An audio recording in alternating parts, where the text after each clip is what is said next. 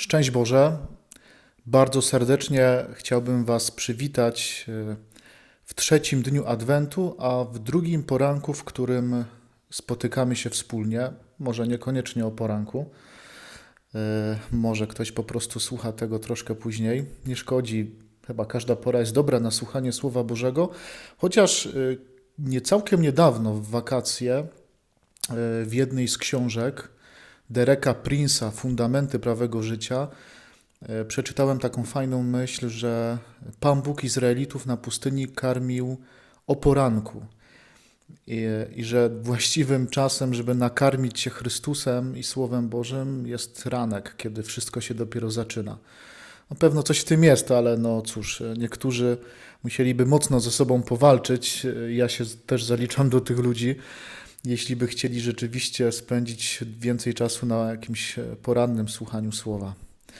Bardzo Was witam, bardzo Was pozdrawiam e, i cieszę się, że znowu e, po raz drugi dopiero, ale e, że znowu razem siądziemy do słuchania słowa, czyli spróbujemy rozsiąść się w fotelu, ubogacić się dobrą herbatką czy kawką i spróbujemy zaprosić, wpuścić w naszą codzienność wschodzące słońce, kogoś, kto nadaje wszystkiemu prawdziwy sens.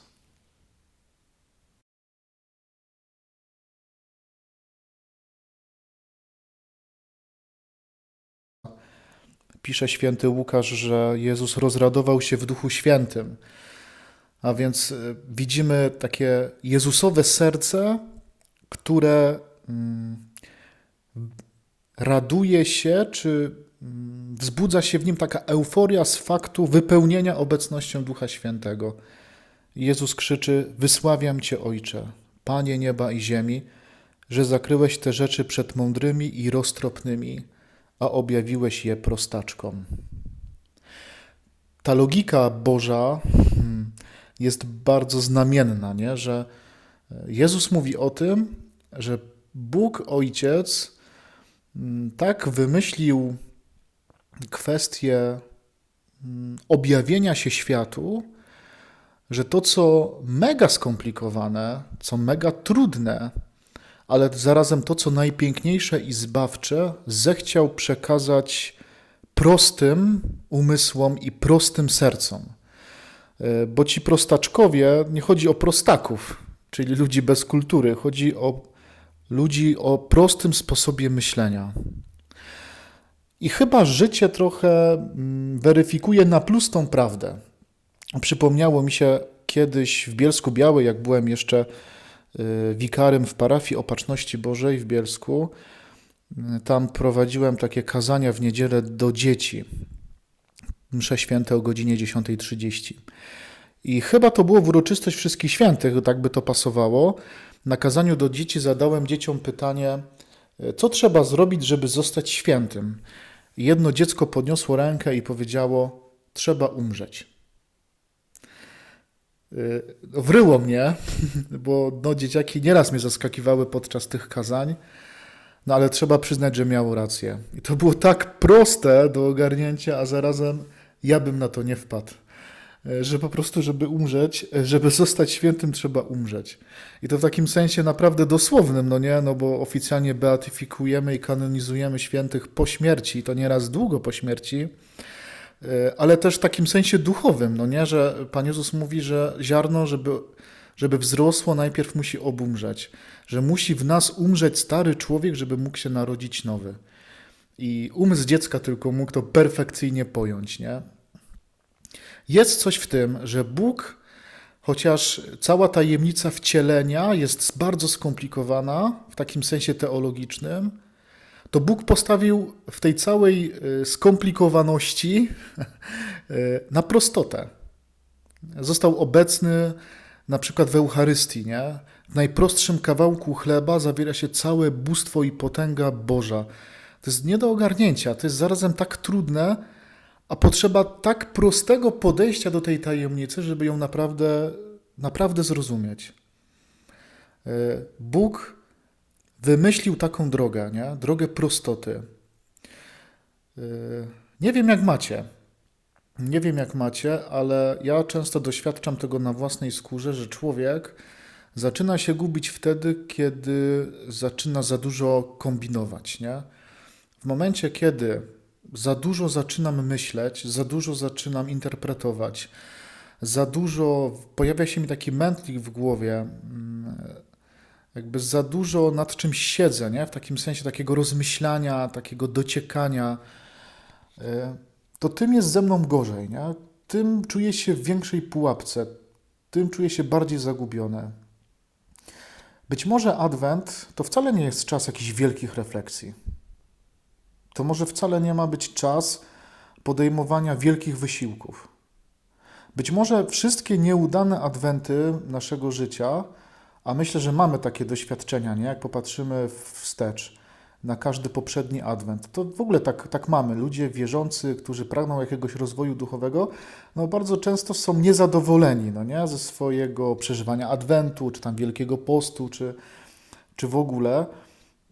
I kiedy myślimy sobie o tych wszystkich adwentach, które już były, to, to człowiek dochodzi do takiego wniosku, no po dwóch, trzech tygodniach, nie? Zwłaszcza kiedy przychodzi spowiedź, o, że no nie tak to miało wyglądać, nie? Że założyłem sobie coś innego, wyznaczyłem sobie większe cele, wyznaczyłem sobie e, jakby większe zmiany i nie udało się.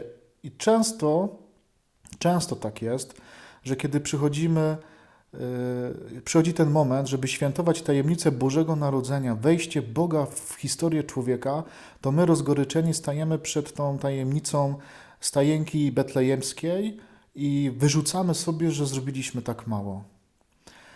Yy, ja sam siebie chciałbym zaprosić, ale przy okazji też Was, żebyśmy może postawili w tym adwencie na prostotę, żebyśmy nie myśleli za dużo, może żebyśmy więcej słuchali, żebyśmy mniej działali, a więcej siedzieli, ale nie w bezczynności, ale właśnie otwierając swoje serce i słuchając Bożego Słowa, słuchając rzeczy dobrych, słuchając y, rzeczy, które nadają nam poczucie y,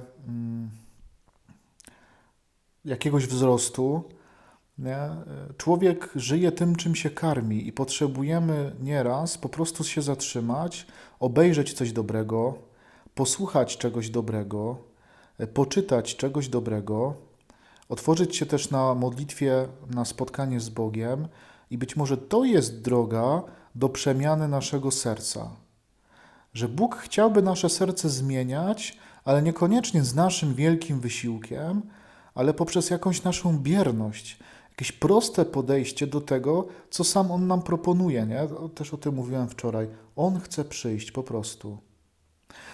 Myślę, że tym te, z tym też jest związana ta myśl, czy to słowo Jezusa, który potem mówi do, do tych, których ma obok siebie, do swoich uczniów, że szczęśliwe oczy, które widzą to, co wy widzicie, bo powiadam wam, wielu proroków i królów pragnęło ujrzeć to, co wy widzicie, a nie ujrzeli, i usłyszeć, co słyszycie, a nie usłyszeli. Myślimy sobie tak, nie? Jak był, byłoby prościej. Byłoby prościej, gdyby Jezus był kimś, kogo można spotkać tak, jak można spotkać drugiego człowieka. Że byłoby prościej, gdyby on po prostu przyszedł, usiadł ze mną na kanapie, wypił ze mną kawę i powiedział mi to, tamto, zdiagnozował moje życie pokazał jakby drogi wyjścia.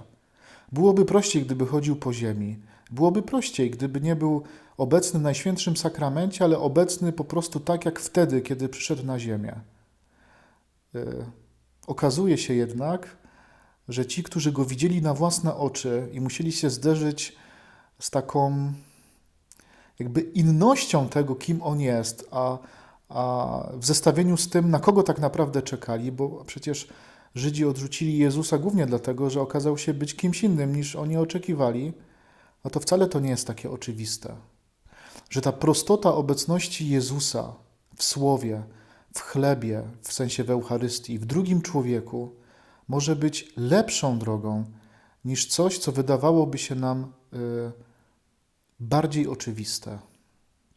Bóg jest oczywisty i Bóg jest prosty w całej skomplikowaności doktrynalno-teologicznej.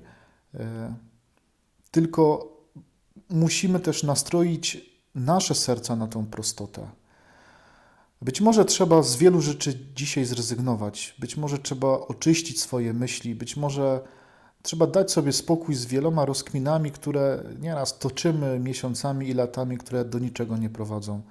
Może po prostu trzeba czasami puścić z rąk to, co zbędne.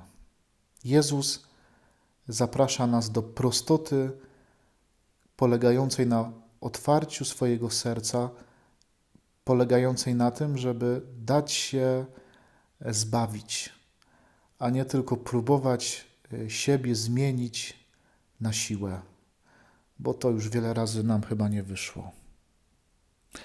Bardzo serdecznie Was pozdrawiam i życzę Wam, żeby ten dzień, środa, tak? Nie, wtorek, przepraszam, wtorek, żeby to był najpiękniejszy wtorek Waszego życia.